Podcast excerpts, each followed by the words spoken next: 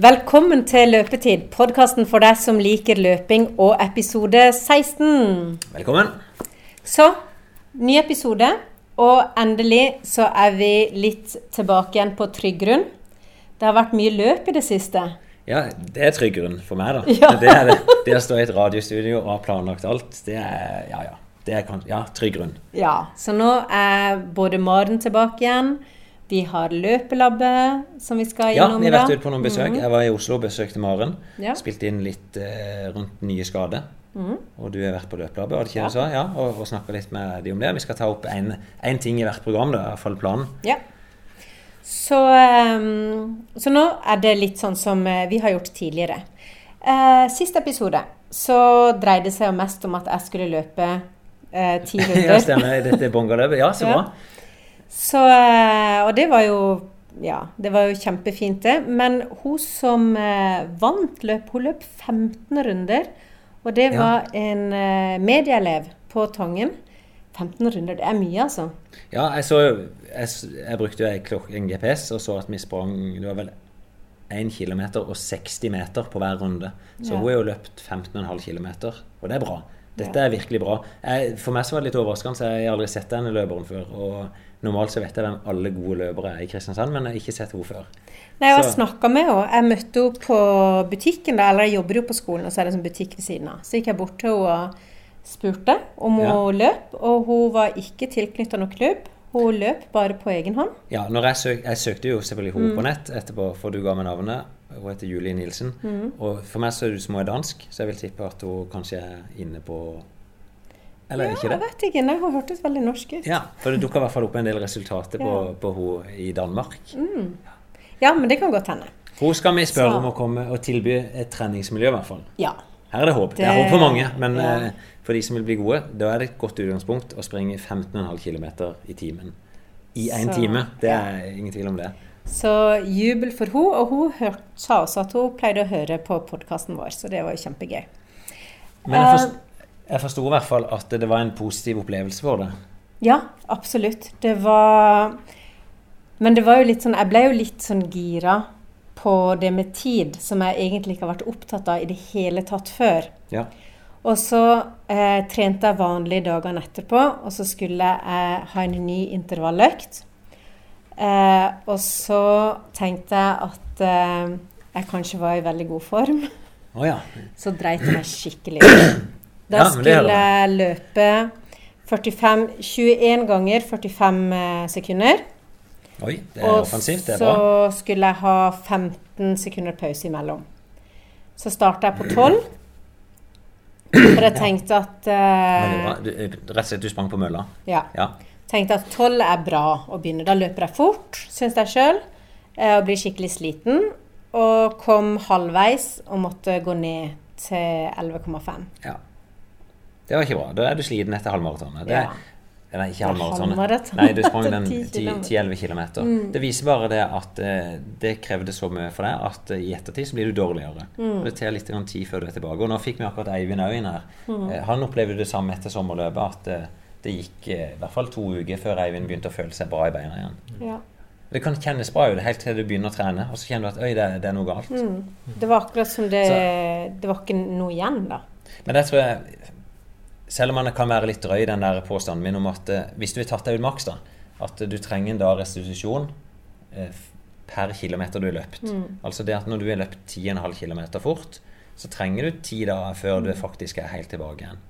Ja, jeg tenkte litt på det, da, så jeg skal løpe det igjen i dag. Ja. Og så se om det går Ja, og det kan du se egentlig, Mm. og du vil nok oppleve det at eh, det blir bedre og bedre. Og det betyr jo ikke at du skal holde deg vekk fra trening, men du skal helst trene rolig. Ja. Og så kan du ha en forventning om at det vil være tungt. Det Mm. hjelper deg litt når du går inn i økta og vite at ok, jeg er fortsatt redusert etter den. Mm. Så det velkommen, Eivind. Takk for det. Så Hei. bra. Hallo. Hei, hei.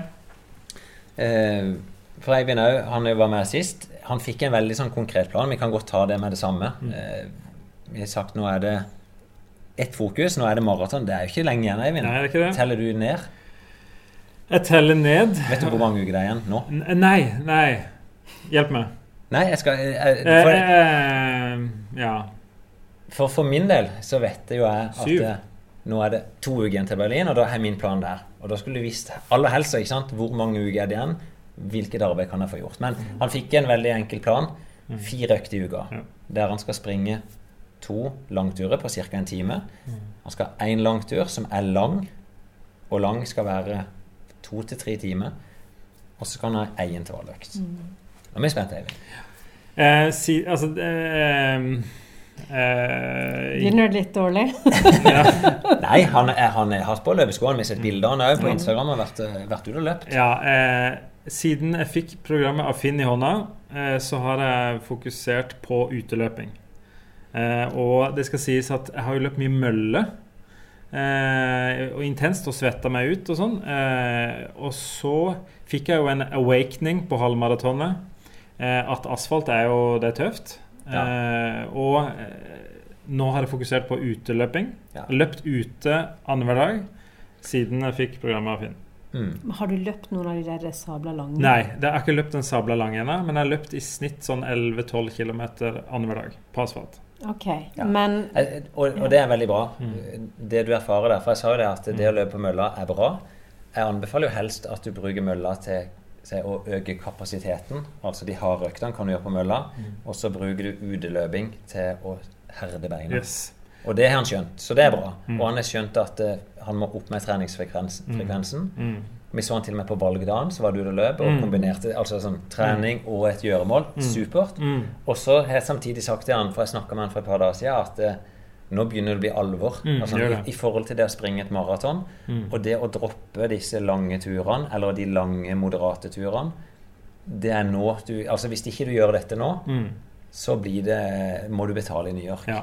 Og eh, på valgdagen så regna det. Det regna Ja. hund- og katter. Eh, og da tenkte jeg Hadde jeg ikke hatt New York Marathon foran meg og Finn eh, som følger opp, Mm. så hadde jeg blitt hjemme. Eh, men da og, og, nå skal jeg altså, jeg bare si, Kona mi er veldig flink til å motivere meg, men hun var sånn Er du sikker på du skal løpe i det regnet ute? Og, og yes, jeg skal løpe. Eh, og, Er, det sant? er det spørsmålet hennes? Er du sikker på at du skal Av og til jeg, spør, eh, Ja. og, og, liksom sånn Er du sikker? Du, altså, kanskje hun er redd for at jeg skal bli syk? Jeg vet ikke. Ja. Og så, er det bare sånn Jeg, jeg har New York Marathon foran meg i hodet. Det blir brutalt. Jeg fikk eh, en erfaring på halvmaratonet. Det var, det var, jeg var, som Finn sa, jeg var, jeg var slått ut nesten to uker etterpå. Ja, og, og nå er det bare å få, komme seg ut. Jeg har fått meg nye løpssko som er godt dempa. Eh, og, og fokusere på teknikk, fokusere på korte, eh, eh, lette, raske steg. Eh, og kjenne meg faktisk bra. Ja da. Og for det, så- det, han har kommet på jobb nå og sagt liksom dette er litt gøy. Mm. Eh, og nå syns vi jeg kommer veldig langt. Og så er det bare å løfte det der flagget igjen. Mm. Vi må gjøre den spesifikke treninga. Ja. For nå er det det er syv-åtte uker igjen. Nettopp. Den jobben må gjøres. Og det, sant, det viktigste er mengden totalt sett. Mm. Check. Bra, Eivind. Mm.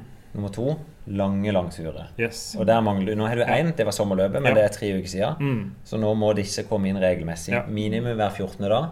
Mm. Og når du da begynner å telle helg igjen, Nettopp. så må du begynne å bli konkret. Og da Ja. må du begynne å planlegge, Eivind, og si at denne helga, f.eks., Mm. lørdag Søndag.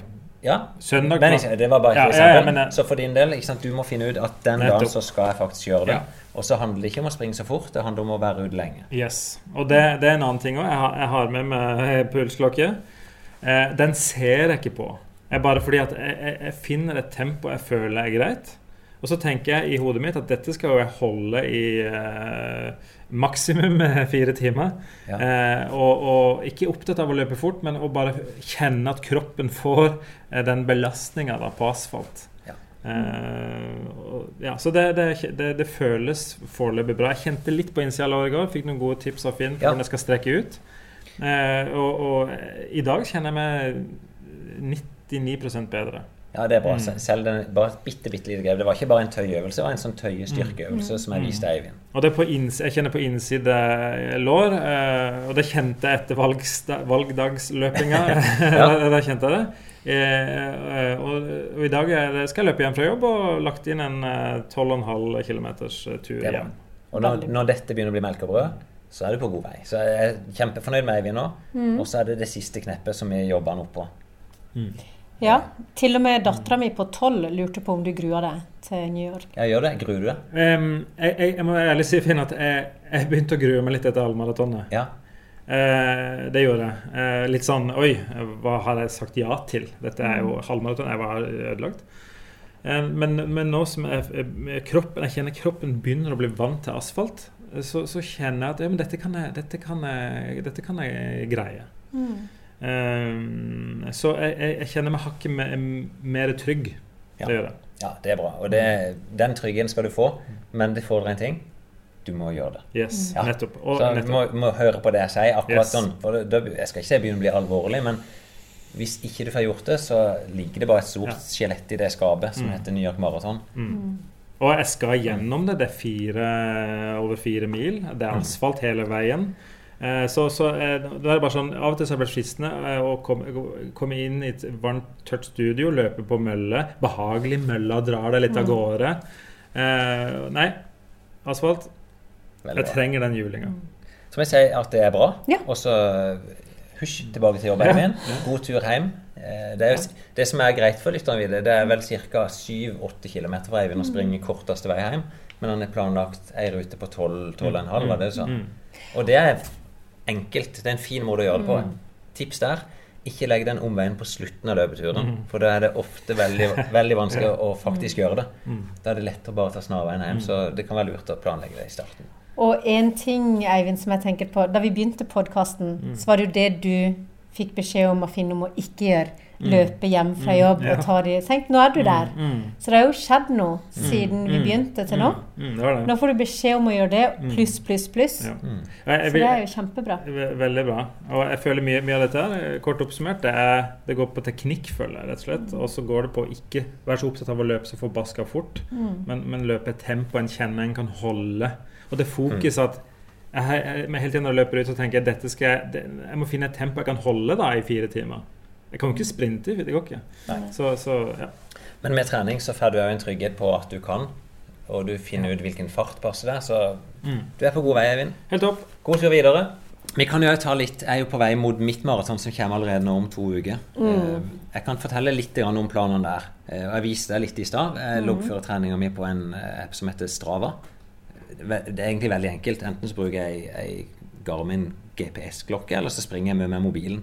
Og det- faktisk nå har jeg mista laderen til klokka mi, så de siste tre ukene Jeg mista den på sommerløpet, så jeg bare løpt med mobilen i hånda. Å, Det skal jeg ikke gjøre på noen av løpene mine. Nei, Altså. Så det jeg får ei klokke til, til helga, så får jeg en ny klokke. Nei, men jeg, jeg loggfører i hvert fall treninga, så- og det er kun for å motivere meg sjøl. Jeg har satt meg noen mål hvor mange kilometer jeg må springe i uka. Eh, Og jeg, mitt mål har vært å springe mellom 14 og 16 mil i uka. Ganske mye. ikke sant? Det er mellom 20 og 25 km hver eneste dag. Og jeg har ikke klart det hele veien, men mange av de ukene så har jeg klart det. Det kan jeg se på den appen. Jeg viste det jo i stad. Eh, Jeg løste det gjennom å trene veldig ofte to økter om dagen. Typisk ut på morgenen før eh, familien stender opp, og så ei ettermiddagsøkt. Da er det lettere for meg å samle kilometer. Jeg kunne samle det på ei økt om dagen, men da hadde jeg brukt liksom uforholdsmessig tid på ettermiddagen, og så hadde jeg blitt enda mer sliten. Det var jo veldig Nesten gøyere enn å se hvor mye du hadde løpt, var jo å se deg se hvor mye du hadde løpt. For du ble veldig, veldig fokusert. Og Ja, sånn, ja. du begynte å telle fintelle da du så på hvor du hadde kommet hen. Og så var det en dag hvor det sto 'håpløst'. Å ja, ja. Jeg fikk meg et nytt hjerteflimmer. Eh, Da dukka det opp på ettermiddagen etter et ganske ekstrem treningsøkt jeg hadde en torsdag her. Og så dukka opp dette hjerteflimeret igjen. Og da sa jeg jobba sammen med Joakim utover kvelden. Håpet at det skulle gi seg. Det gjorde det ikke. Og da møtte jeg opp på sykehuset på morgendagen etterpå. Og, og da hadde jo de, de to forrige ganger så hadde de brukt en medisin som eh, ja, rett og slett endrer litt på de her elektriske signalene i hjertet. Eh, og det funka ikke helt, så de sendte meg på noen betablokker òg, som senker pulsen. Det var jo interessant å se, der han gikk fra 120-130, og så bare med en bitte liten injeksjon, så, pop, så var det nede i 60, og veldig svak puls. Um, og så, Han tøysa litt med meg, legen. Han sa det at eh, For du skal jo ikke trene i dag likevel. Uh, nei vel, så er du sikker på det. er det farlig? Og da sa han nei, det er ikke farlig, men eh, han er tysk, men snakker godt norsk. Han sa eh, du vil ikke prestere like bra i dag som du gjorde i går. Så jeg, det, det kan i hvert fall utfordre og teste. Så jeg ga meg ut på en sånn 15 km lang løpetur som ble bare 4-5. Da klarte jeg ikke mer. Det var, det var akkurat som å være på slutten av et maraton. Eh, Så kroppen din var rett og slett på brems. jeg var helt i kjelleren, ja. Så da måtte jeg Jeg hadde jo mobilen med meg, så jeg loggførte jo dette. Så jeg måtte ringe hjem og bli bedt om å bli henta. Så da ble jeg henta tilbake. Og helt ferdig. Det er godt å høre at du er menneske oppi alt dette her. Men, Men- det stjal 15 km med den dagen. Så den siste uka nå, da Da er det to uker igjen. Dette var eh, Folk har vel skjønt det. Prinsippet mitt er å kjøre ganske bra på fram til det er to uker igjen, og så begynne å trappe ned. Så jeg fullførte denne uka nå med ca. 150 km, eller 15 mil. Og der jeg hadde 36 km langtur på søndag. Det var liksom min siste finale. Mm. Og da er det litt sånn Nå er det ikke så veldig mye mer jeg får gjort. Eh, Jeg vet at eh, grunnarbeidet er ganske bra. Jeg har fått gjort de lange langturene mine. Det er viktig. Jeg har fått bra mengde. Og så vet jeg at jeg mangler litt på det å springe en del hurtige turer, altså i maratonfart. Jeg skulle ønske jeg hadde rekt å ta flere av de, men det kan jeg ikke legge inn rett og slett flere nå. Jeg er fortsatt sliten nå etter søndag, så jeg har bestemt meg jeg skal springe 10 km i Oslo, og da må jeg være klar for den. Jeg, jeg hviler jo ikke nå, jeg viste jo det, jeg, jeg trener nok. Så det er som prinsipp da, Hvis jeg har løpt ca. 15 da i snitt, så reduserer jeg nå ca. 25% Så en sånn 10-12 mil den uka, og så siste uka så reduserer jeg enda med 25 Eh, Så da er jeg kanskje nede i 7-8 mil siste uka før maraton. Men, da er det lette økter, og så noen få økter i maratonfart. Jeg tenkte i ettermiddag, da det er tre dager til, til lørdag, så springer jeg en tur der jeg legger inn noen eh, drag i farta jeg skal springe til lørdag. Og så blir det tilsvarende neste uke. Eh, Da gjør jeg litt sånn maratontrening. Men når kroppen din er vant til å trene såpass mye, og du plutselig skal trene mye mindre, da, er det litt sånn at kroppen får litt sånn abstinens? Eller At du føler at dette er lite? Jeg kjenner, for jeg trente eh, ei god økt på mandag, så trente jeg to økter i går, så, og fortsatt sliten etter søndag. Men mot slutten, mot maraton, så kommer det å føles sånn ut.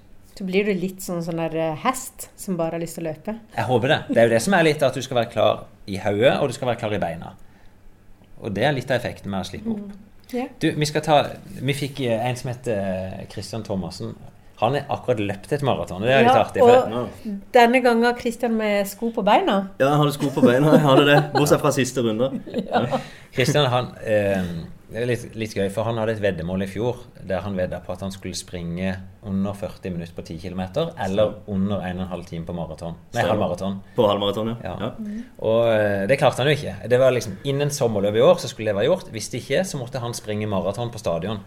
Ja, det er korrekt. Eh, Det var meg og en til. Vi har begge personlig rekord fra før på 10 km hvor vi har klart 41 minutter. Og så har vi halvmaraton på 1,32, og så skulle vi på en måte pushe oss litt ekstra da, for å klare dette i løpet av denne sesongen. Men eh, så har jeg Jeg skal innrømme jeg var litt for slapp i løpet av eh, Ja, sesongen. Så det er derfor ikke du har klart målet ditt. Det er rett og slett for, det er derfor jeg ikke har klart målet. Jeg har, eh, jeg har ikke trent nok. Tenk, eh, ja, I forhold til det som oppladning til et maraton, at eh, Ja. straffa di er at du da må springe maraton for du er trent for lite. Det er jo akkurat det. Eh, Jeg har løpt et par maraton tidligere. Jeg er jo ikke noe sånn helt råtass på, på den distansen. Men dette er mitt dårligste maraton. Men straffen er på en måte på, på- altså på, grunn av, altså på grunn av at jeg har trent for lite, så ble dette min straff. Det var å løpe et maraton. Helt grusomt. Ja, det var veldig grusomt. Det var det. Jeg jeg har faktisk aldri vært borti noen som har løpt maraton på bane. Det er jo skjedd før, selvfølgelig, Ja. men, men det var jo spesielt. Så vi lagde en liten happening av det. Der de sa starttidspunktet sitt. Det var søndag klokka to, var det ikke det? Stemmer det. Og så inviterte vi ned litt folk, sånn at vi la vår maratontrening den dagen på stadion mens de holdt på.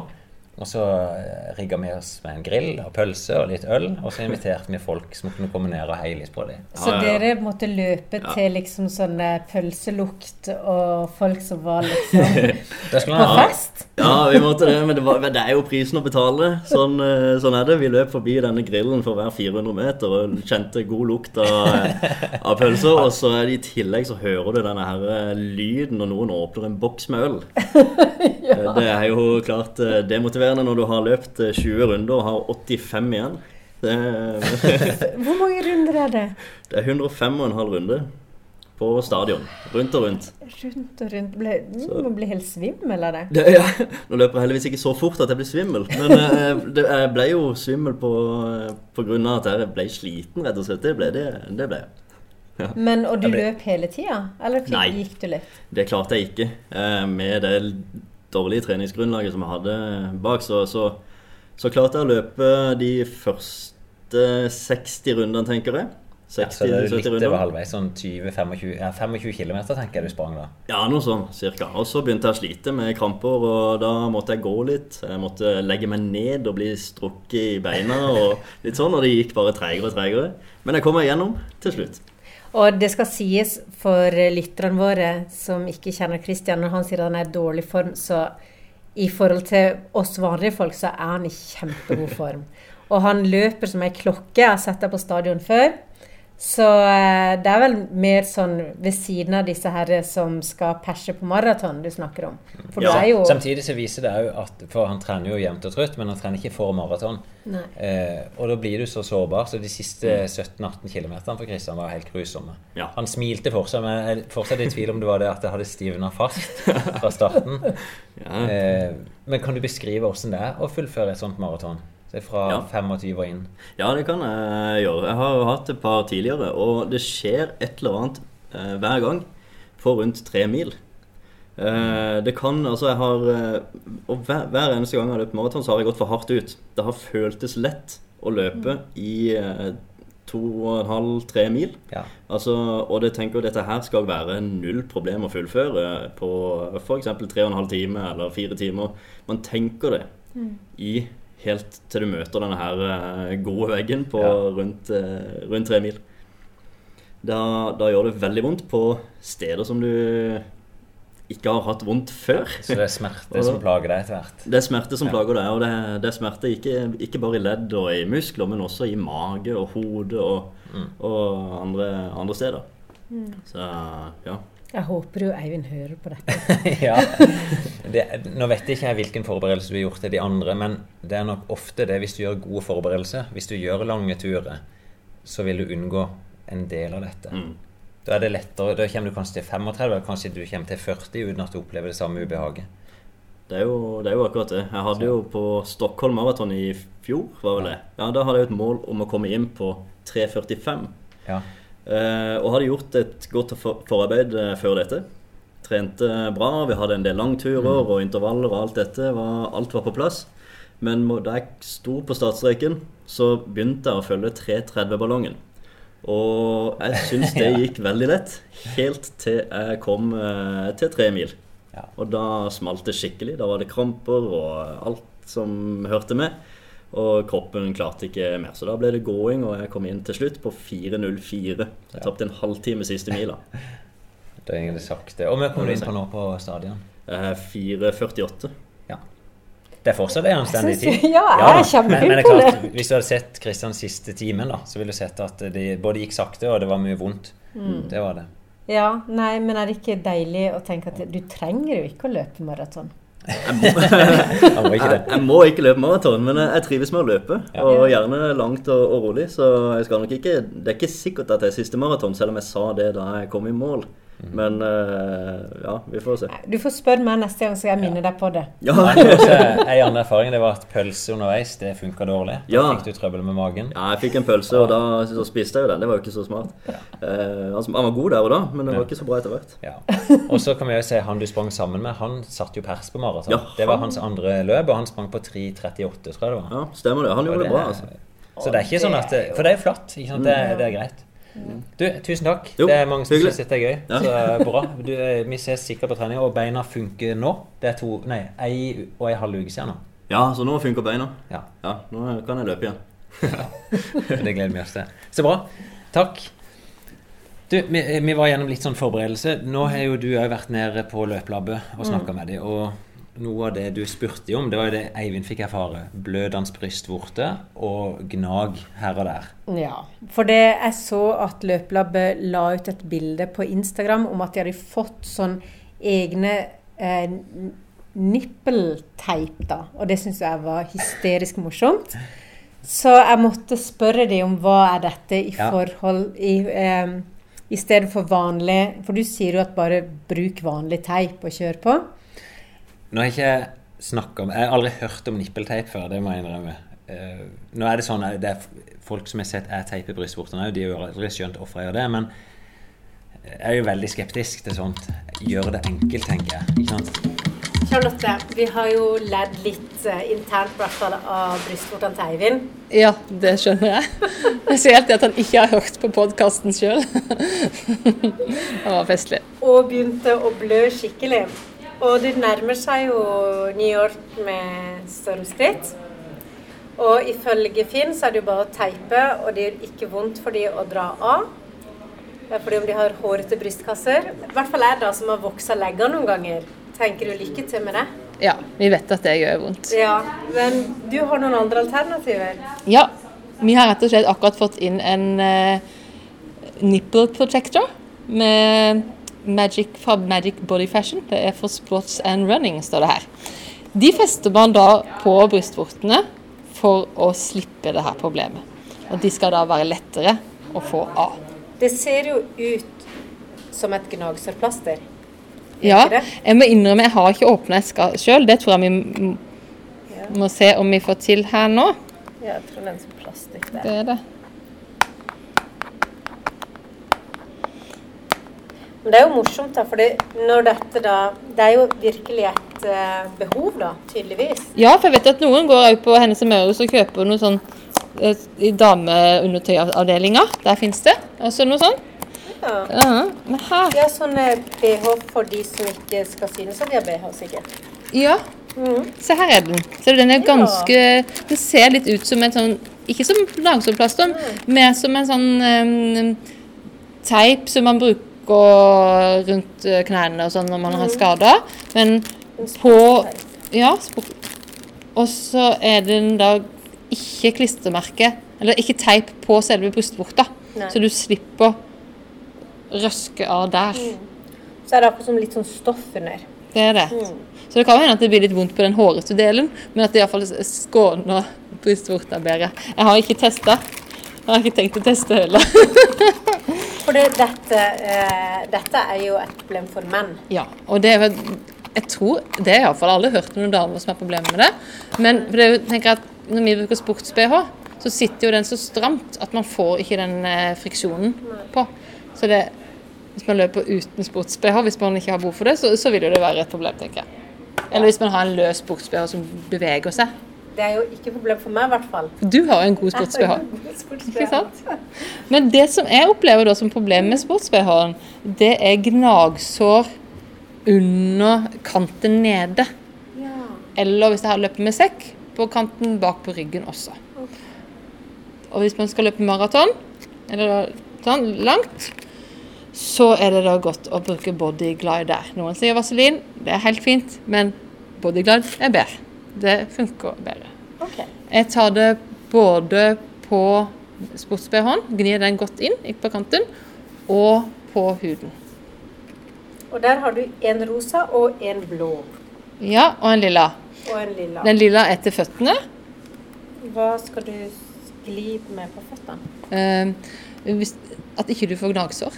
I tillegg til en sånn tolagssokk, så kan man også bruke en sånn. Ja. Eh, også den rosa er for damer. Tull og tøys. Altså, det er bare litt pynt, vil jeg si. Forskjellen er at hun uh, har noe sånn der fuktighets... eh, Noe sånn kokosnøtt og mandelolje. Ja. den mindre. Du får mindre enn det du får hvis du er mann. Den som er blå Nei da, for jeg vil jo kjøpe den blå. Ja. Blå er jo finest uansett. Men jeg har faktisk en liten rosa. Jeg måtte bare sjekke hvordan den funka. Fordi den kan jeg ta med meg i den fine sekken. Eller i en sånn sekk når jeg vil løpe, i tilfelle jeg må smøre. Men det gjør jeg jo ikke. Uansett hvor vondt det gjør, så stopper jeg ikke å smøre. Nei. Men, men kanskje ikke det har gjort vondt nok, da. Ja. Å merke. Men bodygliden den ellers er jo den veldig god å ha på innsida av låra. Eh, kan det gnisse litt. Grann. Det er noen som jo kjøper den faktisk bare til å gå med sommerkjole. Ja. Fordi at det kan gnisse litt da. Hvis man, ja, for jeg merka det da jeg løp intervall ute da, i shorts om sommeren, at det gnissa mellom lårene. Det gjorde veldig vondt. ja, man kan få litt sånn blemmeaktig eller sånn rød sånn rundt etterpå. Mm. Og da hjelper det. Så lurt. Det er ja, diverse steder man kan gnage på hvis man løper langt, for å si det Ja. sånn. Og da er de kjekke. Man har ofte en liksom privat som er veldig sin egen. Ja. Kjempefint. Og dette er jo en veldig god idé til Eivind på hans Ja. første maraton. Så Eivind, hvis du hører nå, så dra på løpelabbet og kjøp diverse glides og plaster før eh, du skal til maraton. Og teste ut på en tur før maratonet. Ja. Det gjelder jo alt man skal gjøre på maraton. Ta altså test ut på forhånd. Så vi ser om man hører, da. Ja. Ja, Finn, nå har jo jeg kjøpt en sånn eske med nippelplaster til Eivind. Ja, det var godt du sa til Eivind. så da skal vi høre om han faktisk hører på podkasten og vet at han skal få det. Så vi kan spørre han neste gang om han vet hva han skal få for noe før maraton. Så kan vi jo teste ut det, da. Du skal ha, når du skal løpe eh, neste gang du skal løpe langt, så skal du ha én med teip på og én med plaster på. Så kan du se om det er noe forskjell. Ja. Jeg, jeg får foreløpig stå på mitt at jeg gjør det enkelt, folkens. Det bare så lenge du tapenserer brystvortene med et eller annet, så er det nok sannsynligvis nok, da. Du, Finn, jeg har sett på, eh, litt på Instagram, og du har lagt ut noen bilder. Og så har du vært en del i media om en fyr som skal løpe veldig, veldig mange maraton. Ja. Hva er egentlig greia? Du, eh, dette er en kar som heter Jimmy Vika. Han er dagleder i en organisasjon som heter Right to Play. Og sånn jeg skjønner, det er den organisasjonen som Johan Ola Kåss starta i sin tid. Det er en internasjonal organisasjon, og han er leder her i Norge. Og han ønska da gjennom et eller annet prosjekt da, å sette fokus på en spesifikk sak som var, var jentearbeid i Afghanistan. Eller barnearbeid i Afghanistan. Som de nå samler penger inn til. Han har satt seg et mål om å samle inn 1 million kroner. Eh, gjennom å springe 20 maraton på 20 dager i 20 fylker. Er det fysisk mulig? Skal jeg først bare si, Det, jo, det finnes jo ikke 20 fylker i Norge, det er bare Nei, 19. Så ja. han begynte på Svalbard, og så springer han da ett maraton hver dag. Og ja, det er jo fysisk mulig, han er i ferd med å gjøre det, og det fins folk som har gjort ekstreme ting før. Eh, Vi til og med utøvere eh, som jeg kjenner som har trent i snitt et maraton om dagen et helt år. Men han gjør dette som en form for konkurranse, da, og så, så, så bruker han jo litt det lokale næringslivet, noen kjendiser her og der, for å sette fokus sammen med seg når han da er på denne reisen rundt i landet. Så han var her i Kristiansand på sitt ellevte løp, og så skal han avslutte i Oslo da, under Oslo Maraton. Det, blir hans siste 20. løp. Eh, vi må inn og høre litt, men jeg kan jo, sånn generelt så kan jeg jo si dette er jo ikke noe sunt på noe vis. Eh, han her er en veldig erfaren løper. Han har forberedt seg ekstremt godt til det. Eh, tidligere drev med ultraløping. Ja. Eh, men likevel, når du springer 4,2 mil om dagen, så er du i, i utgangspunktet da, i konstant nedbryting. Eh, og det kjente jo han på når han holdt på da i, i ti dager før, at eh, nå begynte problemene å melde seg. Og det var typisk sånn Det var vondt i ledd, muskulatur, i sene, og så er jo en del mageproblemer. Hva er det verste som kan skje når kroppen er nedbrutt av Det, det som kan stoppe han helt, det er jo brudd. Altså fysiske brudd i bein. Da vil det være umulig for han nesten å, å fortsette. Eh, Du kan få stressfrakturer, kaller du altså at eh, noen av de små beina da blir så belasta at de til slutt bare knekker, eller at de får brist. Og da gjør det så vondt at det vil nesten være umulig å, å fortsette. Og så er det jo det som plagde han mest eh, den, eller dagen før han var hos oss, det var eh, mage.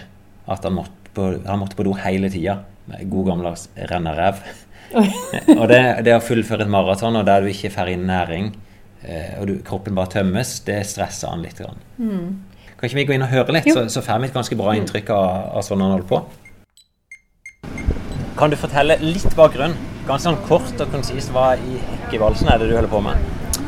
Det er, det er vel egentlig litt en gammel drøm om å, om å gjøre dette her. Og så er det seg sånn at uh, jeg syns det var en litt for stor egotripp å skulle legge ut uh, på den reisa her da, uten å ha noe mål og mening. Ja, så, så du har en misjon bak det? Absolutt. Uh, og det er jo å samle inn penger til Right to Play da, og arbeide med å utdanne jenter i Midtøsten. Så det er liksom min store motivasjon da, til å komme i mål.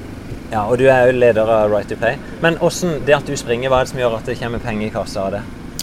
Du, Det er eh, både privatpersoner som eh, betaler en liten sum for å være med på hver etappe. Vi har jo korte runder, så folk kan være med. Ja. Eh, Men det er også bedrifter da, som, som donerer penger per runde.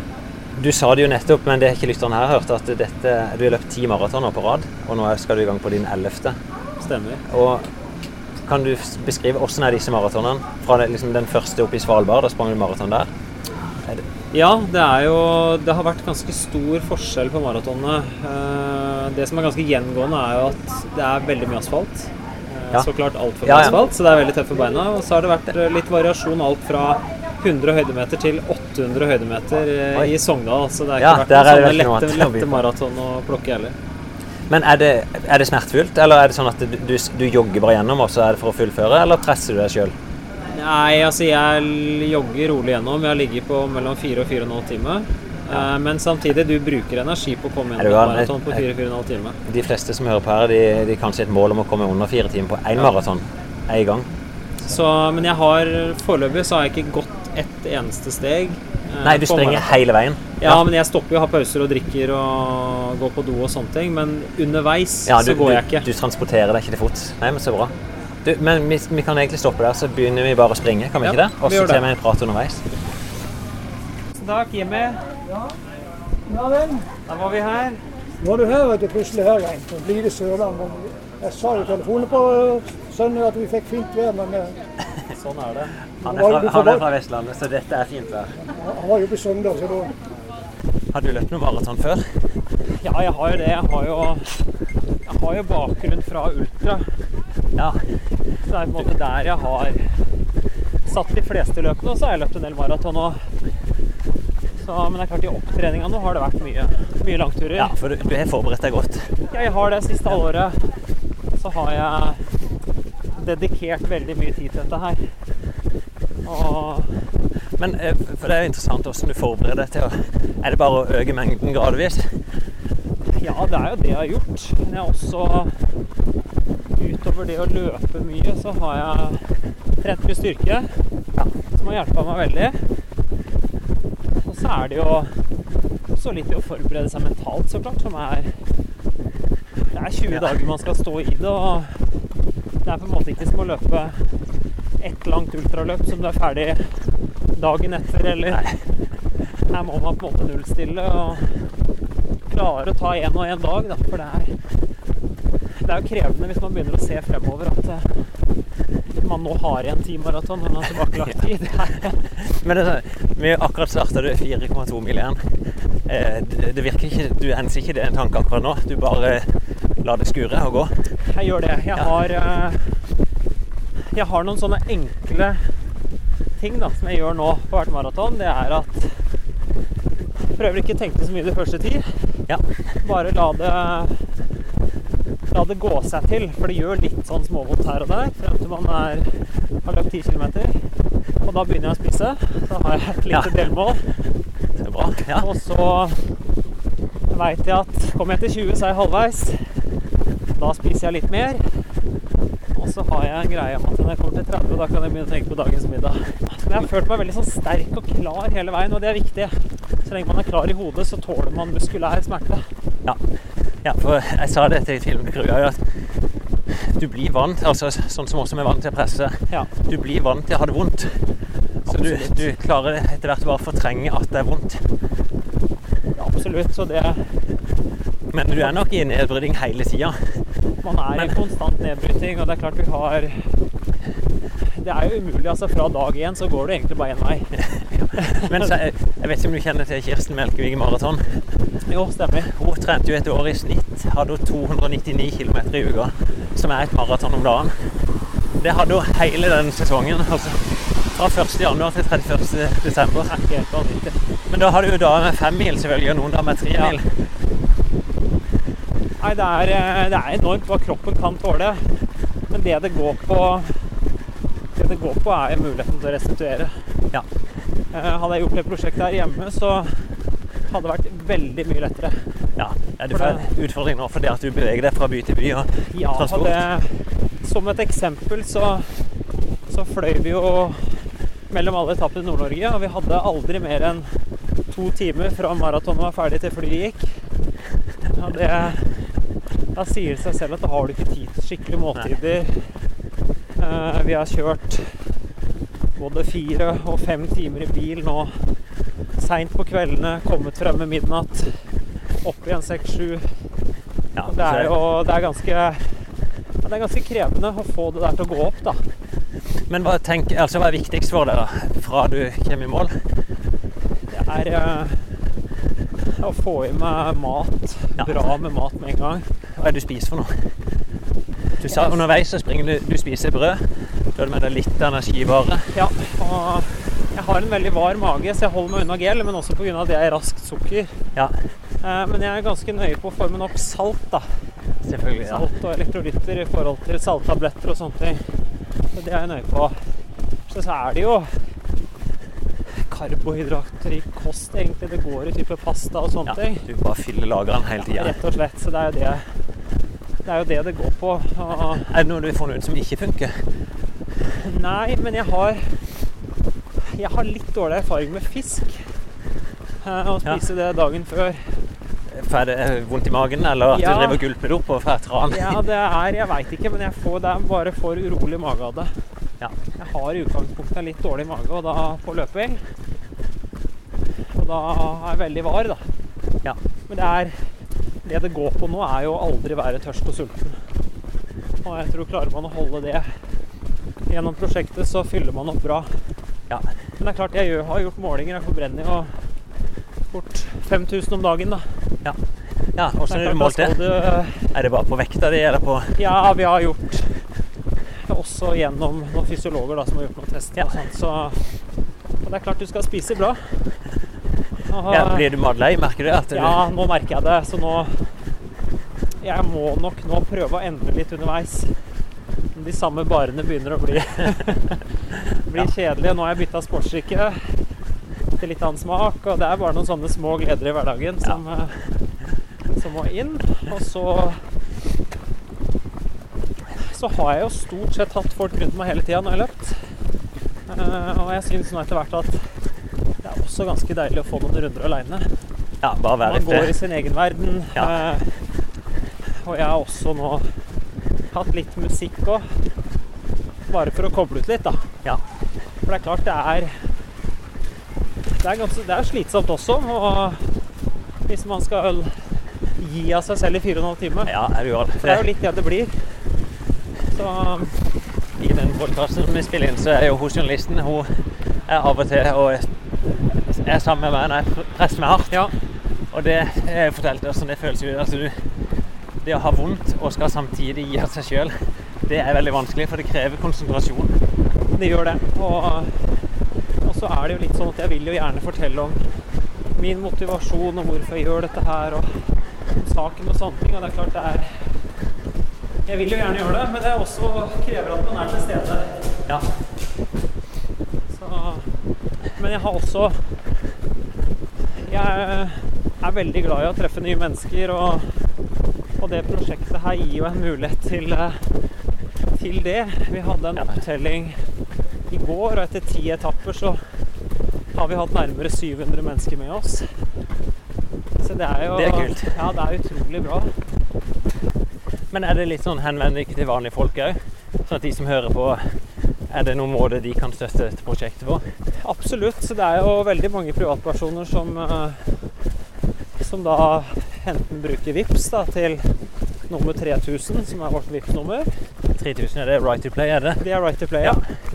Uh, ved å å finne den på nett? Er det noen nettside eller noen Facebook? Ja, det er uh, 202020.no som er nettsiden, som er enkelt da å komme til en sånn bidra nå-knapp. Ja. Uh, og så har vi også en Facebook-side som heter 202020, hvor vi har mer daglige oppdateringer og videoer og sånn fra hver etappe. da. 2020, hva skal det bety? Det står da for eh, 20 maraton på 20 dager på 20 forskjellige steder. Ja, og det hele prosjektet. er Så kult. Det var, ja, kan vi si vi har løpt 4,4, var det ikke det de sa? Cirka? 4,4 akkurat. Ja. Og der står Jeg vet ikke hva du heter for noe. Tora Engeborg. Tora. Så flott. Hun jobber jo òg sammen med deg. Jobber jo, vet du. jo Jeg er prosjektleder og min eh, verge i 20 dager og påser at jeg får i meg mat og drikke. Og Ja, det er bra. Her er en tre flasker med Er det sportsdrikk, eller er det noe jeg annet? har 1,07 med vann og 2,07 med sportsdrikk. Ja. Så jeg begynner litt med vann, og så blir det mer sportsdrikk etter hvert. da. Så er det et par barer. Ja, jeg ser det. Og, litt, Og ikke eh, bar som du gjenger og ferdigservert øl. Det er sjokoladebare. Det blir etter den 16. Etter den 16. Og så er det brødskive med brunost og banan. Og litt nuggis. Nugatti. Ja, så bra. Det er bensin, Ja. vet du. Ja, men det funker jo. Dette er Ja. veldig praktisk. Va vanlig kost, nærmest. Skal du være med nå sjøl? Jeg blir med i halv runde. Så. Okay, men da Ja. Så det går veldig plain, vanlig kost. Og lite sånn raskt sukker, egentlig. Ja. Jeg kan ha tatt noe gel på slutten, men det er mest for å få et sånn lite kick, da. Det er ofte mitt råd òg til folk som bare springer et vanlig maraton, at du skal være forsiktig med de gelbarene. For veldig ofte opplever folk at de blir kvalme av det og spyr det opp igjen. Og da er vinninga borte. Ja, det er det. Og jeg kjenner det nå etter ja, den ellevte dagen på veien, at det begynner å Man blir litt annerledes i fordøyelsen, og, og det er krevende å reise mye. Og selv om hotellmaten er bra der vi bor, så blir det blir noe annet da enn det man er vant til hjemmefra. Hva syns du er det beste været sjøl å springe i? Jeg vil jo si overskya 12-13 grader. Har egentlig vært veldig optimalt på flere av etappene. Ja. Da, da er det akkurat som man løper i shorts og T-skjorte. og Ja. Man akkurat som man holder varmen, da, for vi løper jo rolig. Så man produserer jo ikke så mye varme. Nei, du merker det at du, det er ikke full stim. Du springer i lange armer. Nei, jeg gjør det. Nå har jeg T-skjorte under jakka, men nå har jeg jo vindjakke som holder imot, da. Ja. Med litt membran. Ikke om lytteren hører det, da, men det regner jo. Det er sånn lett duskregn. Ja. Jeg tenker Dette er sånn, egentlig helt optimalt. Det, det gjør ikke noe med det lille dusket her. Da holder den seg våken. Ja. Så, nei, det har vært fint. Vi har hatt, vært veldig heldige. Vi hadde en dag i Bergen som var 20-25 mm, hvor det bøtta ned. Det var litt for mye, for da er det fort gjort å bli kald. Ja. Da var det på med supertøy og membranjakke og lue og diverse. Det er noe med det å holde seg frisk òg. Det er jo Immunforsvaret blir jo Jeg er sliten etter hvert. ja.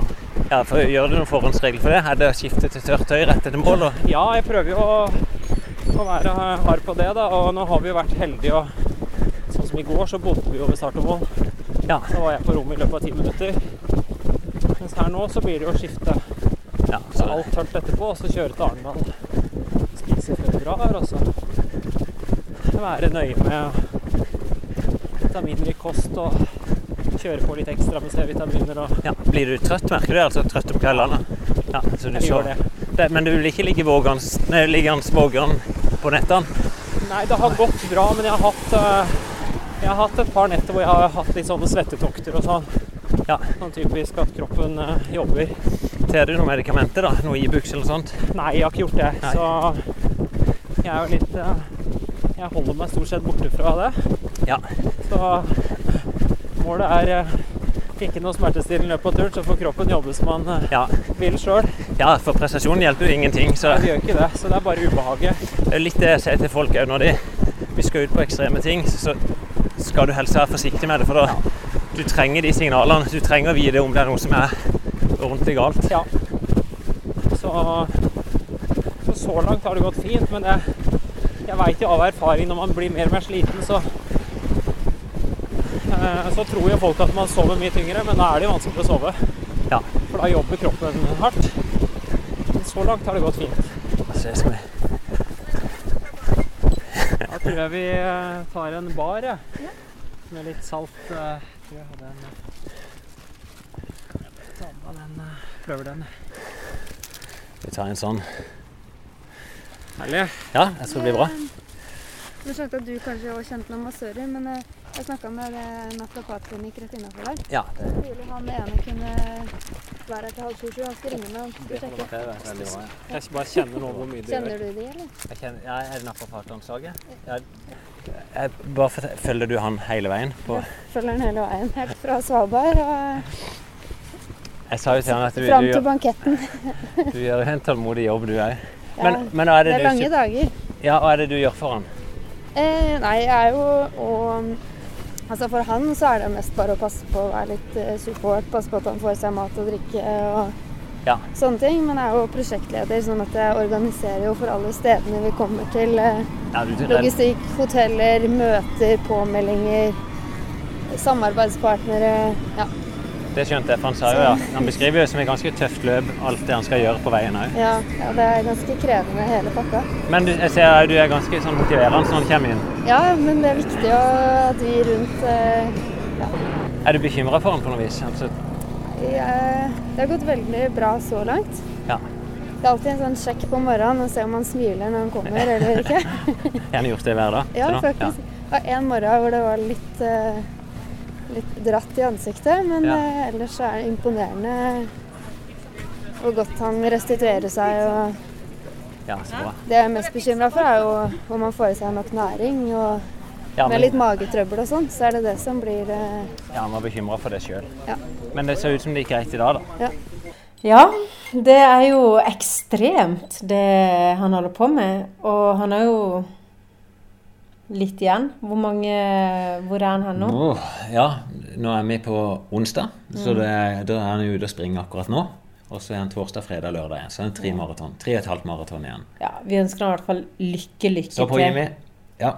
Kjempebra. Men du, eh, du var jo inne hos Maren og snakka med henne i forhold til skader. ja. Og eh, vi har gjort litt sånn eh, Hun er ekspert. Hun jobber jo på NIMI til vanlig, eh, som er spesialister på idrettsskade i Oslo. Så er hun i tillegg så jobber hun på Olympiatoppen, jobber med Friidrettsforbundet. Så jeg møtte Ja. henne på Olympiatoppen, eh, der vi gikk gjennom en del skader. Så jeg tenkte kanskje den vi kunne snakke først om, det er en, annen, en, en plage som jeg har hatt. Det er når det bare gjør jeg vil si, veldig vondt under foten når en treffer Altså, jeg, springer, og så kjenner jeg på forfoten at det bare gjør veldig vondt. Litt som en sånn følelse av at sokken er vridd seg, kjennes det først ut som, og så blir det vondere og vondere. Til slutt så vondt at jeg nesten ikke kan tråkke ned på det. Oi. Eh, og det jeg synes jo i hvert fall en fin oppsummering av det vi og Maren snakker om. Ja. Vi kan gå inn og høre på den. Kjempefint. Ny skade, Maren. Ja. Eh, og nå er vi tilbake til en skade som jeg har sjøl. Det er vondt under foten. Og det, det, det er sånn kjedelig greie, men det er jo foten treffer bakken. Og det jeg opplevde, for å beskrive det sjøl, det er at eh, når jeg sprang lenge, så, så gjør det veldig vondt når jeg treffer bakken. Ja. Akkurat eh, Det kan nesten kjennes ut som det begynte som en stein som lå inni foten under eh, Hvordan skal jeg forklare det? Under fotballen, da. Puta, på en måte. Ja, Der som tærne festes inn, så er det jo ei pute, og under der så kjentes det ut som det nesten lå en stein og gnagde. Og jeg faktisk stoppa og sett om det er en stein der, eller om sokken har vrengt seg. Mm. og- og smerten er liksom så intens at det, det er nesten umulig å springe. Og for meg så begynte det først liksom, når jeg løp i halvannen time, så kjente jeg det på slutten. Og så bare kom det tidligere og tidligere, og på slutten så var det etter 20 minutter så var det veldig vondt. Ja. Da gikk jeg til legen min og, og spurte han. Jeg var, jeg var ganske sikker på diagnosen sjøl. Eh, men kan ikke du forklare litt hva slags type skade det kan være? Hva, Ja. hva er liksom det mest I det naturlige? området? Ja. Det vanligste i det området, det er nok enten at det er i skjelettet, eller Ja. at det er en nerve som ligger mellom knoklene. Eh, Og da kan vi få en klump på den nerven, at det blir en sånn hevelse i nerven. Så det blir noe som vi kaller et Mortens nevrom. Mortens, er det han som fant ut av dette? Ja, Ja. oppkalt etter han. Og, og da, da blir det for trangt rett og slett for den nerven. Så at det, det, det skal veldig lite belastning og trykk til før at den fyrer og det gjør vondt. da. Og da snakker du nerve mellom tåsene, liksom? Tåsefestene? Ja. Ja. Tåsefestene. ja. ja. Ja. Metatarsan kaller vi jo det på ja. fagspråk. Men liksom der tærene forsvinner inn i foten, Ja. og så inn, inni der. Oppå vrista, da. Ja. Mm. Og det er som regel på midten av foten du får det. Ja det, det er sånn type stikkende smerte. Ja, det er stikkende smerte, men mer sånn skytende, mer som et lyn. Ja. Og kan bli litt nummen og følelsesløs i området. Og nervesmerte er jo ofte sånn som mange har kjent som et enkemannsstøk i albuen. Å, ja, ja. Hvis man slår albuen, ikke sant, så får man en altså, sånn så- eh, strålende smerte. Det jeg bruker ofte 'har du kjent det', og er, ligner det på det? ja, og det for meg så ligner det på det. Ja, så det er en typisk nervesmerte. Men du har- var ikke noe, nummen, eller eh, at det prikka noe, eller noe sånt? Var det Nei, det? det, er litt vanskelig å forklare den smerten. Det, det er bare For meg så, så vil jeg sagt det kjennes ut som om sokken ligger feil, eller at det er en stein inni der først. Ja. Og så er det bare hver gang du treffer, så er det som om du treffer en stein oppunder foten. ja. Og så, sånn. ja, så det er en eh, diagnose som er forholdsvis vanlig Ja. blant løpere også. Og, Og så eh, det Ja. og, det, og det var faktisk konklusjonen til legen min òg, for jeg gikk til legen med det. Og ja. Jeg prøvde jo litt sjøl i starten på litt smertestillende, og se om det kunne hjelpe. Det, det hjalp ingenting. Nei. Eh, Og da var jeg hos legen min, og han sa at dette virker nok som Mortens. Ja. Eh, Og behandlinga der, da. Og det, prøv også å løfte opp foten, eller løfte opp med en pute under det òg, for å prøve å skape bedre forhold og bedre plass til den nerven. Sånn at den ikke hele tida kommer i klem og, og blir vond. Løfte, tenker du da som å styrke fotbuen, eller at du legger inn en såle? At du legger inn en såle, eller at Ja. du teiper opp. Um, og, og, og da se om den hevelsen i nerven kan gå tilbake av seg sjøl ved at den får avlastning. Så den kan gå tilbake. Den kan gå tilbake. Ja, rett og Men noen ender jo opp med at man må fjerne den, rett og slett. Operere. Ja, men det ser hvis det er typisk sånn Mortens, så Mhm. kan du avlaste, Ja. Og så kan den hevelsen gå ned og forsvinne. Ja. Hvis ikke det gjør det, operasjon. ja. Ja. Og så eh, er det jo, hvis det er mer i skjelettet Ja. Da er det jo utøvere eh, som springer så mye som du gjør, er jo alltid utsatt for det som vi kaller stressreaksjoner og tretthetsbrudd. Ja. Så jeg ville alltid tenkt, vært litt obs på det Stemmer. i den gruppa som du tilhører. ikke sant? Ja. For at det, dere er i en høy risikogruppe for det. Jeg må bare spør, Vil ikke det typisk komme med en gang? Du, altså at den smerten er der alltid? Jo. Ja. Eller altså den, ja, Da kan det jo være vondt å gå. Og, Ja. Men det finnes jo forskjellige grader av det. ikke sant? Starter jo med stressreaksjon som er grad 1, og så 2, 3, 4 som er helt tett. Det kan jo bli et brudd Ja. tvers over knokkelen. Og det vi det- utøvere som gjør. Der det plutselig knekker. Ja. Men det er jeg helt enig i at da er smerten ofte til stede helt fra første løpesteg, ja. Ja.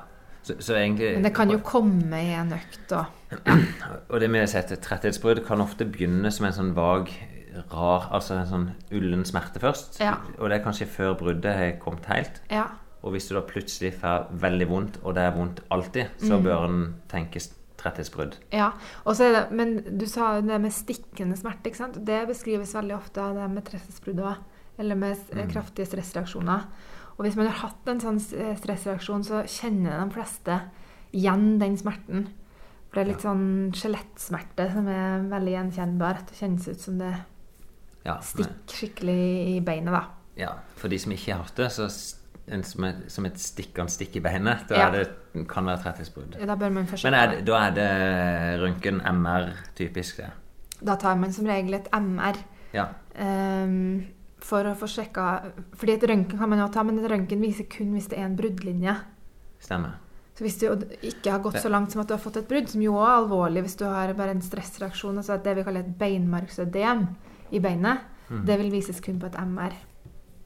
Ja, stemmer. Så da må du overtale legen om MR.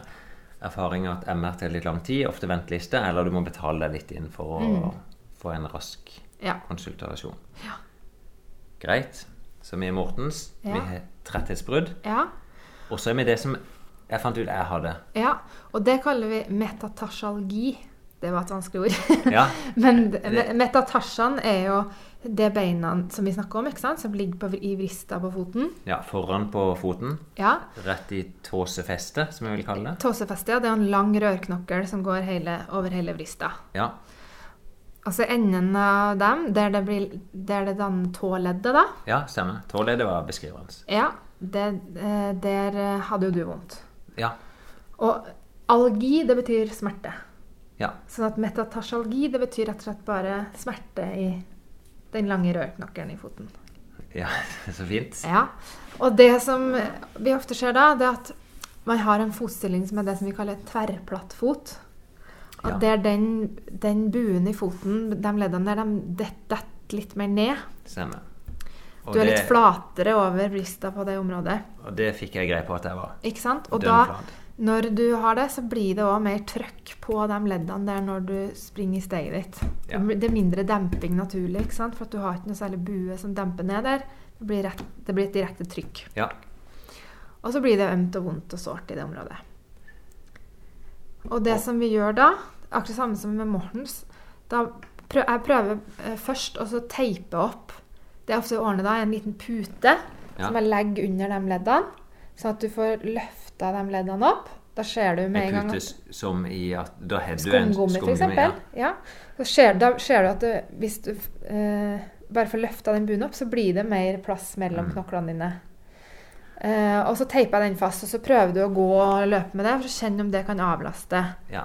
og mindre redusere smerten. Og så kan vi da lage en såle som gjør det samme som du kan ha i løpeskoen, så at du får den avlastninga i hver økt. ja. Er dette såle som typisk kan kjøpes i butikk? Jeg tror det finnes noen sånne prefabrikkerte sånne Ja. så, forfotsåler som eh, du kan legge under der. Vi har jo en sålemann på Nimi Ja. som lager dem til foten. Til den enkelte sin fot. Og det vil jeg jo absolutt anbefale. Ja. For når, hvis du satser litt og, og Og det var det jeg gjorde sjøl etter jeg var inne og stykket. Fikk påvist at det, det sannsynligvis var årsaken tverrplattfot og store løpsmengder. Ja. Så gikk jeg til I Kristiansand er det vel ortopediklinikken eller hva det Ja. heter for noe der. En ortoped som lagde en såle.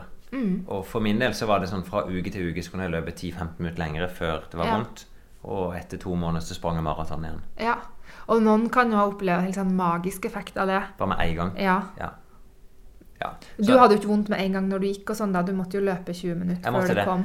Men jeg har kamerat som får det samme av å gå på ski, f.eks. Eller bare stå og gå på rulleski. Der de. Ja. de stender rett opp og ned, og så får de samme smertene. Ja. Eh, og kan løses med såle. Da Så er bør du absolutt forsøke det. Mm. Du, jeg tror vi har sagt nok om det som kan skje under foten. Ja. Jeg syns det er bra. Supert. Ja. Ja, Finn, det var jo godt at du fikk tatt deg en tur til Maren og høre åssen Ja. åssen det gikk med deg. Og um, får du brukt denne enda en såle? Ja. Jeg, bare jeg trenger ikke gå inn til Maren for å finne ut åssen det gjenger med meg. Det, det, det kjenner jeg jo sjøl. Men fint for å få ut noe info òg, for hun er jo dyktig på dette. Mm. Ja, og du følger jo ikke alltid det hun sier heller. Så hadde jo håpet at hun hadde satt Ja. deg litt på plass. Men det hjelper, det hjelper sånn sett, det at noen forteller at øy, nå bør du gjøre dette. Mm. Og som jeg har sagt før, hun har jo rett. Og jeg bruker den sålen så ofte jeg kan eller husker på. Og det, det funker. Stort sett nå så er det smertefritt å springe, ut, altså å springe i det hele tatt. Men hvis jeg har flere påfølgende økter uten såle, så begynner den smerten å dukke opp igjen. Så jeg, Ja. jeg må ha den for at jeg skal fungere på å springe lange løp. I går eksempel sprang jeg en tur. Lånte sko av en kamerat. Vi var bare trent hos han. Eh, Og da begynner det å gjøre vondt under foten på slutten. Så det er rett og slett kronisk? Du, det er Ja, ikke noe som Jeg har ikke undersøkt det. det. Det kan godt være at det, hvis jeg bruker sål over en lang periode nå, at det tilpasser seg bedre. Men det er jo en sånn tverrplatt fot at eh, fotbunnen foran den er sunket litt ned. Mm. Sannsynligvis fordi jeg har løpt masse. Eh, og det tror jeg bare er sånn. Så Ja. det får jeg bare finne meg i. Ja, Så da blir det en sko full av såler, og nesten ikke plass til foten? ja, nei. Jeg gjør jo ikke det, for jeg bruker jo ikke alltid disse sålene. Nå sa jo Maren at jeg kunne f.eks. bruke den sålen for å avhjelpe akilles når jeg ikke trener. Også den andre sålen når jeg trener. Det blir litt for mye for meg. Det gjør nok det. Så jeg, jeg prøver å, å i hvert fall ha med meg den sålen som er tilpassa foten min når jeg trener. Det vet jeg funker. Og så får jeg leve med litt vondt i akilles enn så lenge. For det er fortsatt vondt. Ja. Men du, eh, vi har jo fått noen eh, lytterspørsmål, og nesten som et brev denne gangen. Ja, det, dette er en sak vi faktisk har brukt mye tid på nå. For vi fikk et brev fra en som kaller seg Kalven fra Grimstad. Og han er frustrert fordi at eh, han føler sjøl han har gjort en bra treningsjobb nå i år, og så får han ikke de, de resultatene som han ønsker. Og det er, veldig sånn, det er typisk for folk. Ehm, og litt sånn kort versjon av det han skriver, da, så sier han at eh, tidligere år så har han trent det han kaller lapskaus. Eh, det har vært litt sånn eh, lite plan. Han har løpt eh, turen når det passer han. Han sier sånn to-tre ganger i uka. Og da har det ofte vært at den turen har vært ut og løpe ganske fort, innen sånn 40-50-60 minutter. Det har vært liksom de første to årene. Og da stilte han opp i konkurranse og har løpt noe som heter Grimstad halvmaraton. da, På 1,46 første året, og så 1,46 andre året. Og så i år, når han liksom endelig la ned mer trening, 1,47. Og det skjønner jeg. Det er frustrasjon. Og det, det, han sier, det han har gjort i år, da, det er jo at han har lagt en plan for det. Tre økter hver uke. Ei økt der han springer halvmaratonfart. Eh, og for han så vil jeg se han varme litt opp. Og så springer han 8-10-12 km. Eh, han sier 4,50. 4,40 på kilometeren. Eh, og for de som er veldig inne i disse tidene, så er jo det faktisk ei sluttid på halvmaraton ned på 1,40, og fortere enn han springer som pers. Så, så det er, kaller jeg ganske tøff økt. Ut og springe hardt i oppimot en time. Så er det ei intervalløkt. Han springer åtte ganger fire minutter. Det er jo litt tilsvarende det du har gjort. Han springer med to minutters pause. og det, Han pusher ganske tøft på den. da. Jeg har sagt han springer 4,20 på kilometeren, som er nesten nede i 5 km farta si. Han ter seg ordentlig ut. Og så tredje økta springer han 20 km, eller oppimot 20 km rolig langtur. Typisk sånn seks minutter på kilometeren. Eh, typisk er, jeg ville sagt dette er en uke jeg kunne anbefalt han hvis han sier jeg, ville, jeg vil prestere med tre økter i uka. Og det, Han er litt skuffa, for målet hans var 1,45 da, på, på løpet i år, og så sprang han på 1,47 eh, og skuffa. Lagt ned mer jobb. Så er det jo sånn eh, Jeg sa til deg når jeg fikk dette, at jeg kan nok ikke svare veldig konkret, for han hadde ikke sagt tidene sine. Eh, jeg kjente ikke bakgrunnen hans, men så tilfeldig så kjenner jeg han. Og han er innom jobben vår av og til, så vi hadde han innom her i stad. Og gikk gjennom litt disse tidene konkret. Spurte han om vekt, den har vært stabil. Vi spurte om skade, og da dukka det plutselig opp noe. Ikke? Da ser han De første to årene var han skadefri, mens i år så gikk han skada november, desember, januar, februar, mars, april. Et halvt år. Ja, Og så begynte han å trene etter påske. Sånn at fra påske fram til dette løpet så hadde han trent bra og ja, systematisk. Og da forklarer, på et vis, ok, Det forklarer den tida. 1,47. Eh, Skjønner han er skuffa, men han har nok trent litt for lite da, i forkant av dette. Eh, og det skjønner han. Men så stilte han opp i sommerløpet, da, som er, det var jo Grimstad-løpet er i juni, sommerløpet er i august. Og da sier han han har trent enda to måneder til. Og så skal han prøve å følge fartsholderen på sommerløpet til 1,45. Tenkte det er bankers. Og så kom han godt ut i løpet, og så full sprekk. 1,48. Blitt dårligere. Oi. Eh, og det er ikke bra. Nei, hva kan du finne ut Ja, av der, det- doktor Finn? Eh, vi hadde jo en lang samtale i stad. Eh, og det ene som jeg, så, jeg ser jo på sommerløpet, jeg ser, for jeg kan jo gå inn og se splittiden hans, at eh, det er åpenbart han sprakk underveis. Han fulgte fartsholderen.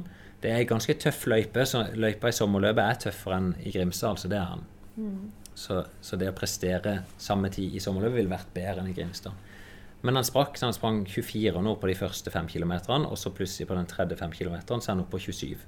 Altså tre minutter saktere. Det kaller jeg full smell. Og Å ja, ok. ja, sånn, så, så, Jeg tror at full smell var når du måtte stoppe å gå. ja, men du kan tenke på fem kilometer, bruker nesten ett minutt mer per kilometer. I den farta så er det Ok. Jeg kaller det smell, i hvert Ja. da. Han er, jeg vet ikke om han er godt, jeg spurte han ikke om, men han har løpt saktere, eller saktere da enn han forventa. så jeg spør ok, hva kan en forvente av tre økter i uka? Det er jo et, vi vet at Eivind, som nå trener i sitt hode, da, ganske sånn systematisk mot New York Marathon, uh, han sprang på 1,54 og var kjempefornøyd. Mens denne kalven fra Grimstad springer på 1,46, 47, 48 og er skuffa fordi han føler han skulle fått mer igjen. Sannsynligvis fordi han, han kjenner noen som presterer enda bedre. Og da kan jeg i hvert fall, Hvis jeg skal trøste nå, da Så jeg, jeg ville sagt tre økter i uka. Det å springe 1,45, det er et bra resultat. Eh, nå, nå er det sånn, det er målretta god trening, dette, så han kan håpe på et bedre resultat. Noen vil klare det, men de fleste vil nok ende ut rundt der han er nå. For dette er bra. Så er det sånn for de aller fleste som presterer, de trener alltid mye mer enn det de sier. Alltid. Eh, nå tipper Rune her, kalven, er ganske ærlig på det han sier, men veldig mange de prøver å trekke ned hva de har gjort for å oppnå et resultat. Jeg tror det er en sånn der eh, beskyttelsesmekanisme. Litt sånn med å si at ikke du har lest på prøven, og så Ja, får du fem-seks. og det- Det er dårlig gjort, altså. Det kan være noen eh, at de kanskje sykler til jobb, da. Så er de kanskje ti økter med sykkel som de ikke vil regne med. Så sier de at jeg trener bare dette. Eller de er en fysisk krevende jobb som snekker eller rørlegger og gjør masse fysisk hele dagen. Og så er det liksom, regner de bare det som trening, det er de konkret der de har på seg joggeskoene. Derfor no, presterer nok mange veldig godt uten å liksom ha mange treningsøkter i banken. Okay. Eh, Men de fleste som presterer godt, de er trent Mer og mer strukturert. Det som, Hvis jeg skal oppsummere liksom, av, de rådene jeg kunne, kunne gi denne, det han kaller seg Kalven fra Grimstad eh, han, Jeg syns han springer litt hardt. Det, er, det, det preges av at han er målretta. Han pusher de fleste øktene er utfordrende for han. Det, det, er for så vidt bra. Tre ganger i uka er veldig bra. Mm. Eh, jeg sier til han ta gjennom den intervalløkta, spring litt roligere, litt mer mengde med kortere pause. Det er jo ofte det rådet som er gitt, i hvert fall gjennom vinteren. Sånn du, du tar deg tid til å bygge opp, du tåler mengden bedre. Han vil stå distansen bedre. For, for du må huske det at selv åtte ganger fire minutter, det er bare 32 minutter, og han skal da springe nesten to timer på en halv maraton. Eh, så det å ha lengre økter der, det vil styrke han. Eh, den økta der han springer 8-12 km tempo, den syns jeg er veldig bra. Eh, mentalt er det en veldig tøff økt. Hvis han syns at det er OK, superøkt. Og den rolige langturen er bra. Og så sier jeg egentlig legg på noen økter nå som er bare kos. Mm. Altså 40-50 minutter der du bare er ute og jogger og har det greit. Da vil han øke litt. Han vil tåle litt mer trening.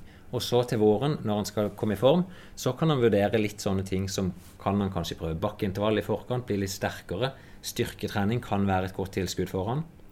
Jeg har jo aldri sett han løpe, så jeg vet ikke om han, det kan være han har åpenbare svakheter. Det er jo sånne ting, i hvert fall Hvis jeg var inne og coacha han, så ville jeg sagt ok, vi prøver med basisstyrke. Du får litt mer styrke i hofte, mage. Eh, kanskje leggene trengs styrke. Det er i hvert fall sånne ting han kan prøve å vurdere sjøl. Ja, bra. Eh, men det blir et langt svar. Ja. Det blir et langt svar, for det, han gjør så mye bra, mm. og så oppnår han egentlig et bra resultat, men han er misfornøyd. Ja. Jeg kan si til slutt, for han nevnte òg Han deltok på et løp i helga som han var misfornøyd med. Det var et terrengløp.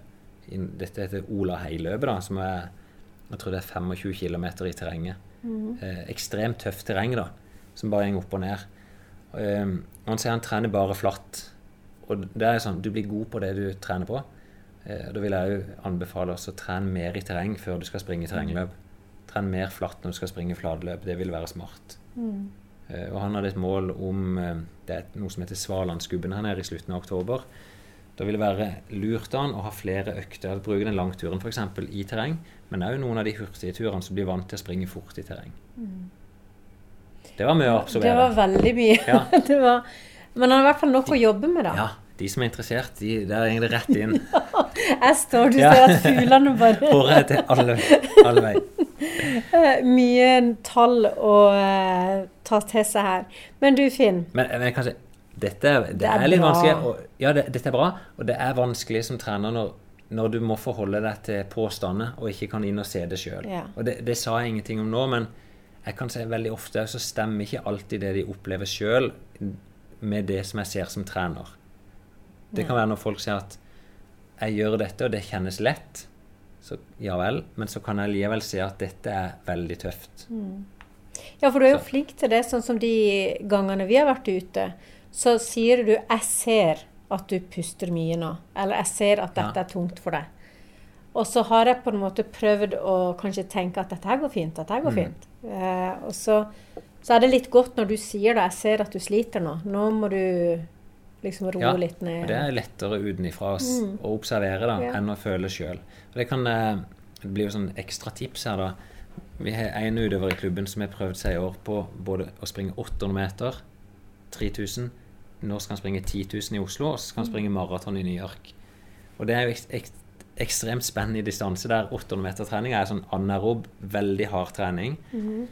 Der han etter hvert begynte å like det veldig godt. Det som skjer da, det er at når han skal springe moderat intervall, så er det veldig Det oppfattes ekstremt lett for han, og det er ekstremt lett å springe for fort. Ja, og så blir han plutselig ja, sliten. For, fordi han er vant til å springe fort når han er gutsa på 800 mm. meter. Og så når han da har begynt på maratontreninga nå, der vi springer store volum med moderat, så skulle vi ha ei spissa økt nå mot Oslo 10 km nå til helga, så er det veldig vondt å springe fort igjen. Så, ja. så det er liksom, du blir, mm. du blir, alltid veldig god til det du trener på. Ja.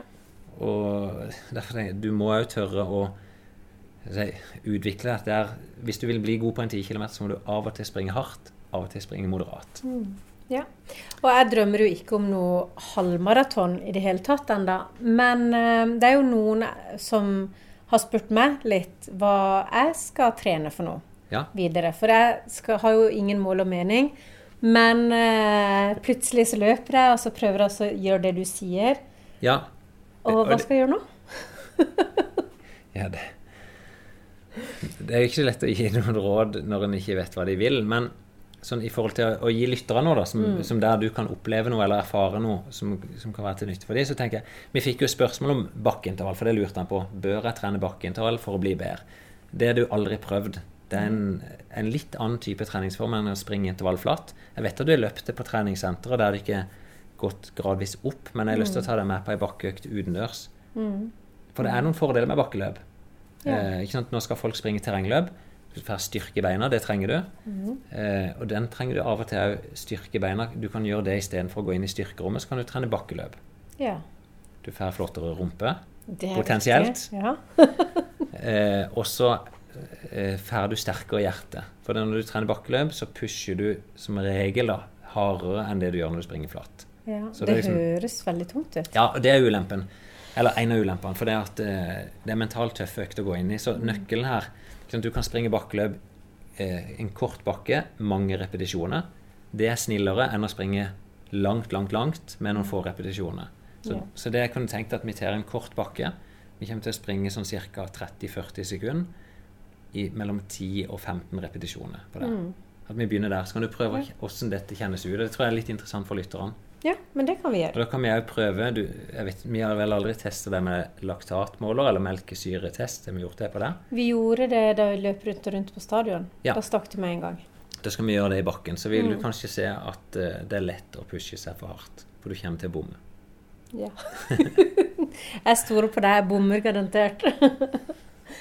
Så eh, Ja, og så er det jo Vi fikk eh, melding av en som heter Geir, som skal løpe sitt første maraton i Oslo i helga. Ja, Så da møter du han, for du skal løpe 10 km. ja, vi reiser inn eh, en gjeng herfra. Jeg skal springe 10 km, som er liksom min siste forberedelse mot Berlin. Mhm. Eh, og vi har med en gjeng da, som skal springe og ja, kommer til å stå på sidelinja og applaudere folk fram. Jeg er jo interessert, så jeg kommer til å se på både maraton, og så er det, det er jo norsk mesterskap i halv maraton på lørdag òg, som starter halv to. Så jeg kommer til å se på de beste i Norge, vil jo delta der.